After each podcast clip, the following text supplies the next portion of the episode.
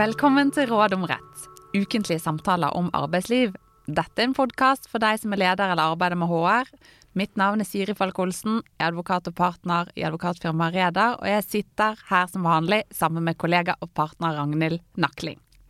Dagens tema det er pensjon, nærmere bestemt det vi kaller for tjenestepensjon. Og vi tenker oss en mann i 40-årene som er nyansatt HR-sjef i et selskap med rundt 70 ansatte. Daglig leder i selskapet har gitt beskjed om at rullegardinen hos den forrige HR-sjefen gikk ned med en gang ordet pensjon ble nevnt, og at det er flere pensjonsspørsmål i bedriften som hun forventer at han nå tar tak i. For det første har daglig leder spurt om selskapet bør gå over til en annen pensjonsordning enn dagens, fordi hun har hørt at ytelsesbasert ordning ikke lønner seg. Men hun overlater til deg å finne ut hva slags ordning virksomheten skal ha i stedet, og hvordan prosessen skal gjennomføres. I tillegg så mener hun at deltidsansatte ikke behøver å være innmeldt i pensjonsordningen. HR-sjefen vår kjenner jo igjen noen av disse ordene, men det er nok ingen tvil om at rullegardinen er i ferd med å gå ned hos han også. Men han tenker som så at han får starte med det som er helt basic og jobbe seg oppover. Hva er egentlig pensjon, og hva slags type pensjon er det han som HR-sjef må kunne litt om? Ragnhild, hva har du å si? Jeg slo opp i Store norske leksikon, digitalt da, for å få en korrekt definisjon på pensjon. Og det som sto der, det var at pensjon er penger man har krav på når man har nådd en viss alder, når man har betydelig og varig nedsatt arbeidsevne, eller når forsørgeren dør. Men HR-sjefen vår, han trenger jo ikke tenke på uførepensjon. Han trenger jo heller ikke tenke på etterlattepensjon. Det er kun alderspensjon som er relevant for han. Sånn som det heldigvis, da, må vi si, er for de aller fleste. Og hva er egentlig alderspensjon? Kan du prøve å forklare det enkelt? Ja, der prøvde jeg også å finne en god definisjon, uten at jeg lyktes helt. Men det er sikkert flere måter å definere det på. Jeg syns likevel det er enklest å si at det er en, det er en slags inntektssikring som i utgangspunktet i hvert fall da, kommer i stedet for den inntekten du tidligere har fått fra lønnsarbeid når du pensjonerer deg. Som man jo i dag faktisk kan gjøre mens man fortsetter å jobbe. Altså begynne å ta ut pensjon mens man fortsetter å jobbe. For de fleste fra de fyller 62 år, selv om veldig mange først begynner å ta ut senere. Ja, og det er det jo kanskje ikke alle som vet, fordi man forbinder pensjon med noe man tar ut etter man har sluttet å jobbe. Men i dag så kan man jo faktisk ta ut pensjon samtidig som man jobber, kan man ikke det? Det stemmer. Vi skal ikke snakke så mye om det i dag, men de siste ti årene så har det jo ikke lenger nødvendigvis vært sammenfall mellom å pensjonere seg og det å begynne å ta ut pensjon. Så man kan godt ta ut pensjon samtidig som man fortsetter å jobbe, og så pensjonere seg et år senere, to år senere, eller til og med ti år senere, om det var det. Og reglene for dette, når man kan gjøre det, det tror jeg vi skal snakke om en annen gang. For i dag så er det temaet tjenestepensjon som gjelder.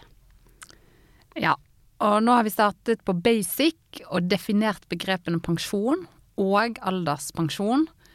Men her så nevner du et nytt begrep, tjenestepensjon. Hva er det? Mm. Så enkelt sagt som mulig, da, hvis det er mulig på pensjonsrettens område, så er det den pensjonen som arbeidsgiveren din finansierer. Det er den spareordningen som arbeidsgiver betaler inn til så lenge du står i arbeid. Og tjenestepensjon det er ett av tre elementer som en alderspensjon kan bestå av. Så hvis man bryter opp alderspensjon i tre deler, så er det ene det er pensjon fra folketrygden. Alle som er bosatt i Norge har krav på det, uansett om de er eller har vært i arbeid eller ikke. Det andre elementet er det vi skal snakke om i dag, tjenestepensjon, altså den pensjonen som arbeidsgiveren din betaler inn til. Og det tredje elementet, det kommer jo an på deg selv, da, om eksisterer, for det er individuelle pensjonsordninger, egne pensjonssparinger som du selv tar initiativet til. Og HR-sjefen vår, han kan jo på en måte heldigvis da, han trenger ikke gjøre det vanskelig for seg selv, han kan se ganske mye bort fra dette med pensjon fra folketrygden, han kan se bort fra individuell pensjonssparing, men tjenestepensjon, det må han kunne litt om, særlig nå som daglig leder har noen konkrete spørsmål til han, og noen oppgaver som han skal løse. Og et helt sånn grunnleggende spørsmål som, som daglig leder ikke stilte i dette eksempelet, men som i hvert fall jeg har fått fra en god del klienter, det må virksomheten vår ha en tjenestepensjonsordning for de ansatte? Når kommer dette kravet? Mm. Svaret på om de må ha en sånn ordning, det er i utgangspunktet helt klart ja. I offentlig sektor så har jo dette vært et krav i mange, mange år. Eh, statlig ansatte de har hatt krav på tjenestepensjon i godt over 100 år. Eh, selv om den, den innholdet i den har selvfølgelig forandret seg. Men fram til 2006, hvis du var ansatt i privat sektor, så hadde du ikke nødvendigvis noe rettskrav på tjenestepensjon. Men da kom det en lov, den heter Lov om obligatorisk tjenestepensjon, OTP-loven. Den setter krav om det. Det er obligatorisk med tjenestepensjon for alle private virksomheter. Så de klientene som spør om det, jeg har jo også fått det spørsmålet, men det er jo litt de som ikke har fulgt helt med da, de siste 15 årene. Og i, utgangs, i utgangspunktet så må man ha en tjenestepensjonsordning, sier du. Men her er det vel, som så ofte i jussens verden, én hovedregel, og så noen unntak, er det ikke sånn? Jo, det stemmer. Ehm, det er jo delvis det som gir oss advokater jobb også, men akkurat i dette tilfellet så er unntakene så få at det, skal veldig mye til for at en virksomhet ikke er omfattet av OTP-loven. F.eks. hvis det er en virksomhet som bare skal ha én ansatt i en stilling under 75 av full stilling, så omfattes de nok ikke. Men hovedregelen er du arbeidsgiver, så må du ha en tjenestepensjonsordning. Ok. Og så er det jo én ting dette med å ha en tjenestepensjonsordning på plass, men noe annet er jo hvem som har rett til å være medlemmer av denne tjenestepensjonsordningen. Kan du si noe om det? Hvem skal meldes inn? Mm, altså, De som skal meldes inn, det er i utgangspunktet alle som har fylt 20 år og som jobber i 20% stilling eller mer. De skal være medlemmer. Det dette er hovedregelen, men jeg tenker som så at unntakene er ikke så mange. Er 20 pluss 20 oppfylt, så skal de være medlemmer. Da forutsetter jeg at de ansatte er pliktige medlemmer i folketrygden. Og så er det selvfølgelig noen unntak, men likevel så er det mange som faller innunder når du har dette med 20 pluss 20 år. Det er altså vikarer, de som skal, hvert fall de som skal jobbe en lengre periode, de skal være medlemmer. Midlertidig ansatte skal være medlemmer, ansatte i foreldrepermisjon skal være medlemmer, osv. Ja, så hvis lyttere husker dette med 20 år og 20% stilling, eh, så er man ganske langt. Og det er vel kanskje ikke riktig å gå inn på alle unntakene, men er det noen unntak her du vil likevel trekke fram? Jeg tenker at ett unntak er i hvert fall viktig og riktig å trekke frem. Og det siste året så har jo vi begge og mange andre jobbet mye med permittering. Det er nyttig å vite at permitterte arbeidstakere de er som hovedregel ikke med i pensjonsordningen. Og det samme gjelder de som av en eller annen grunn har ulønnet permisjon. Man kan ha valgt å studere litt mer, man kan ha valgt å ta seg et friår med familien. De er heller ikke i utgangspunktet med i pensjonsordningen. Så når daglig leder sier at deltidsansatte, eller tror i dette tilfellet at deltidsansatte ikke behøver å være medlemmer i tjenestepensjonsordningen, så har hun vel egentlig misforstått. For så lenge den deltidsansatte har en stilling på over 20 da er det sånn at personen skal være medlem i tjenestepensjonsordningen. Er det riktig? Ja, så lenge personen har fylt eh, 20 år. Og jeg tenker at da har HR-sjefen vår i hvert fall løst det ene problemet, og kan si det til daglig leder. At eh, disse må være medlemmer av tjenestepensjonsordningen. Så kan det jo være at man har ansatte med en lavere stillingsprosent, noen som er ganske så sjelden på jobb. Da behøver ikke de meldes inn. Og da behøver jo heller ikke selskapet spare opp eller gi noe innskudd eh, til pensjonsordningen for de personene. Og så I eksempelet vårt så har jo daglig leder også bedt om at HR-sjefen undersøker om selskapet bør gå over til en annen type pensjonsordning enn ytelsesordningen som de i dag har. Og her kommer jo inn et nytt begrep, Ragnhild. Ytelsespensjonsordning. Kan du forklare litt om det? Hva, hva er en ytelsespensjonsordning, og hva slags alternativer eksisterer hvis man skal bytte? Ja, vi beveger oss jo nå nedover i hierarkiet da, av det vi har snakket om. ikke sant? Vi har snakket om pensjon, og så under der så har vi snakket om alderspensjon. Under der har vi snakket om tjenestepensjon. Og når vi nå er innenfor tjenestepensjonens felt, da, om man kan si det sånn, så er det tre ulike alternativer for hva slags type tjenestepensjon en arbeidsgiver kan ha. Man kan ha en ytelsespensjonsordning, man kan ha en innskuddspensjonsordning, og man kan ha en hybridpensjonsordning.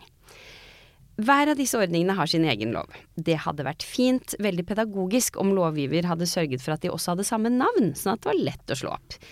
Den gang ei. Eh, det er ikke så rart, syns jeg, at rullegardinen går litt ned. Fordi for eksempel hvis du leter etter lov om ytelsespensjon, så finner du den ikke. Du må nemlig inn i det som heter foretakspensjonsloven. Ja, og det gjør, dette her med de ulike begrepene gjør jo at det ikke er så enkelt å navigere. Men hvis jeg husker rett, så heter i hvert fall loven om innskuddspensjon innskuddspensjonsloven, gjør den ikke det? Jo, den gjør heldigvis det, og det er den flest har òg, så det er da enda godt. Men som jeg sa, så er loven om ytelsespensjon, det er foretakspensjonsloven. Loven om innskuddspensjon heter innskuddspensjonsloven. Og loven om hybridpensjon heter tjenestepensjonsloven, som det jo er ganske lett å forveksle med lov om obligatorisk tjenestepensjon. Men sånn er nå det. Og da har vi i hvert fall etablert hva slags lover man skal slå opp i for å lære mer om de ulike pensjonsordningene. Men hva går de i praksis egentlig ut på? Kanskje du kan starte med å si noe om ytelsespensjon. Hva, hva ligger i det? Ja, jeg tenker at det er naturlig å starte med det, for det er jo også denne ordningen som HR-sjefen sitter med i dag bedriften hans er nok gan... Eller ikke helt alene, men ganske alene om det. For i løpet av de siste 10-15 årene så har nesten alle norske private virksomheter gått over til innskuddspensjon. Samtidig så hadde jeg nettopp faktisk denne uken en samtale med en arbeidsgiver som fortsatt hadde ytelsespensjon, og som nå skulle bytte. Um, og grunnen til at man ønsker å bytte da, det er jo rett og slett fordi at ytelsespensjon er veldig dyrt for arbeidsgiver, i tillegg til at det er veldig lite forutberegnelig. Du vet ikke nødvendigvis hvor mye som er spart opp akkurat for deg som arbeidstaker, men det har heller ikke noe å si, fordi når du når en viss alder, så har du krav på en konkret ytelse. Jeg har krav på 60% av det jeg tjente når jeg pensjonerer meg. Og dette er veldig eh, trygt, forutberegnelig og godt for arbeidstaker det er dyrt og ganske lite forutberegnelig for arbeidsgiver. Så for å oppsummere så er det sånn at i ytelsespensjon så er årlig pensjon, som da vil være både folketrygd og tjenestepensjon, det er definert på forhånd, og du mottar i utgangspunktet den eh, pensjonen så lenge du lever. Og dette var da ytelsespensjon. Hva er da innskuddspensjon? Mm. Innskuddspensjon det betyr at arbeidsgiver betaler inn en viss prosent, eller et visst beløp, beregnet på grunnlag av den lønnen som den ansatte mottar, mellom 1 og 12 G. Ja, jeg tror jo at de fleste som hører eh, på oss, de vet hva en G, eller grunnbeløp, er. Men det er kanskje litt greit å bare minne om at nå ligger 1G, eller grunnbeløpet, på litt over 100 000. Så når du da snakker om en lønn mellom 1 til 12 G, så snakker vi altså om en lønn mellom ca. 100 000 og 1,2 millioner. Blir ikke det riktig? Jo, helt riktig. Tusen takk. Det er altså at arbeidsgiver skal betale et innskudd til pensjonen din av lønnen mellom 1 og 12 G. Man kan som arbeidsgiver også bestemme at man vil betale inn fra 0 G. Og det er et politisk spørsmål om dette skal bli obligatorisk, men i dag så er det bare obligatorisk fra 100 000. Så i en innskuddspensjonsordning så er det innskuddet som er definert, men hvor mye pensjon arbeidstakerne får, det finner de egentlig først ut når de begynner å ta den ut.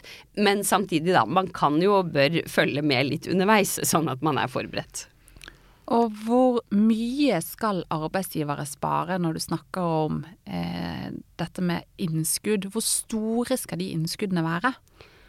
Der er det også en del tall. Det er maksimalsparing. Det er 7% opp til 7,1 G, og 25% mellom 7,1 G og 12 G.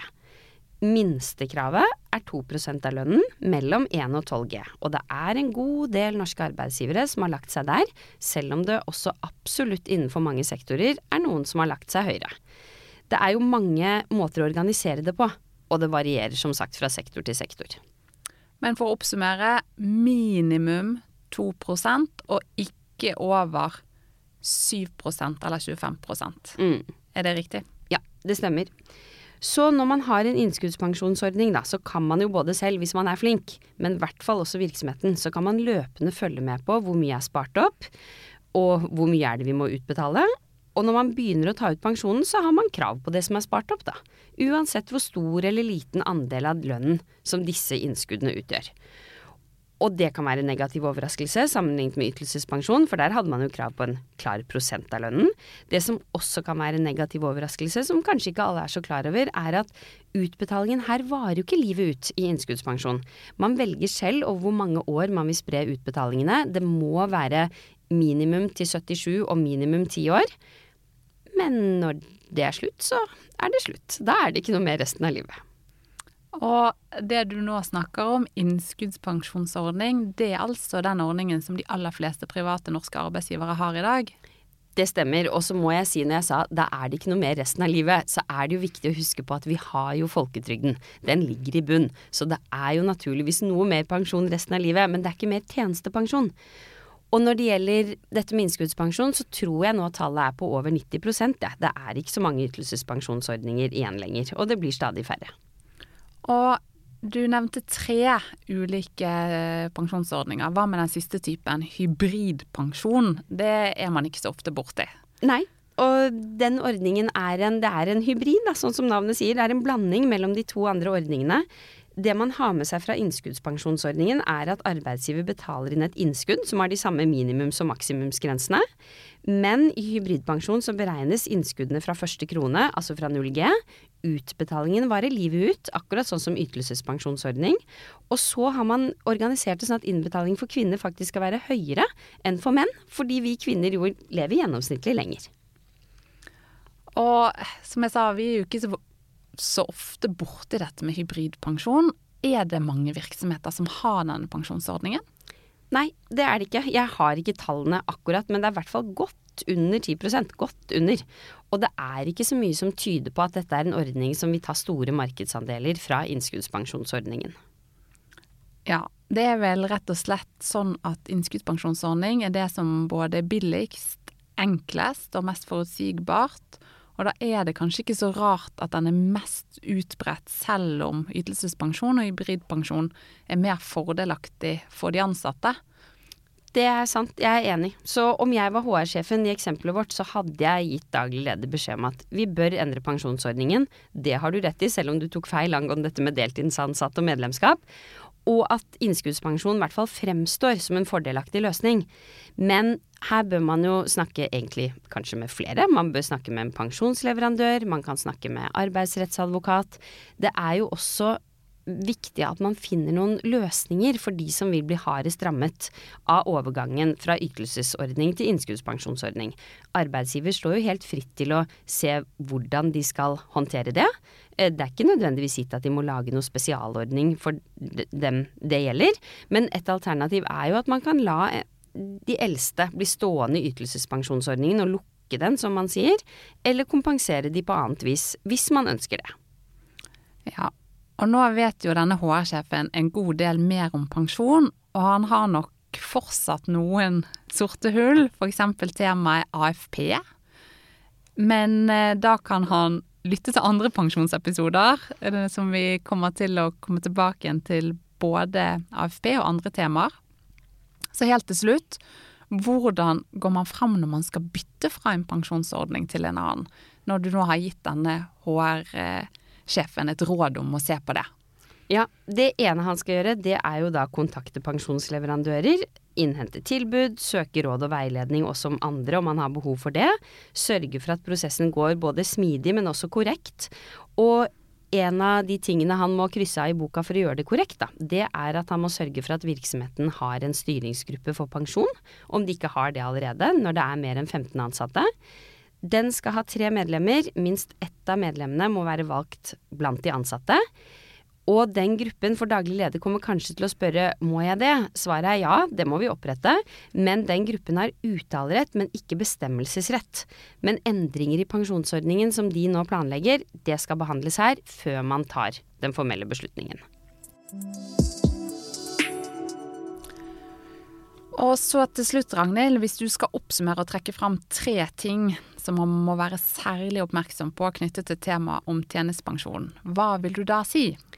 Det ene jeg vil si er at det er ikke så vanskelig som du tror å få oversikt. Det andre er at arbeidsgivere som den klare hovedregel må ha en tjenestepensjonsordning, og at den i utgangspunktet også skal omfatte samtlige ansatte.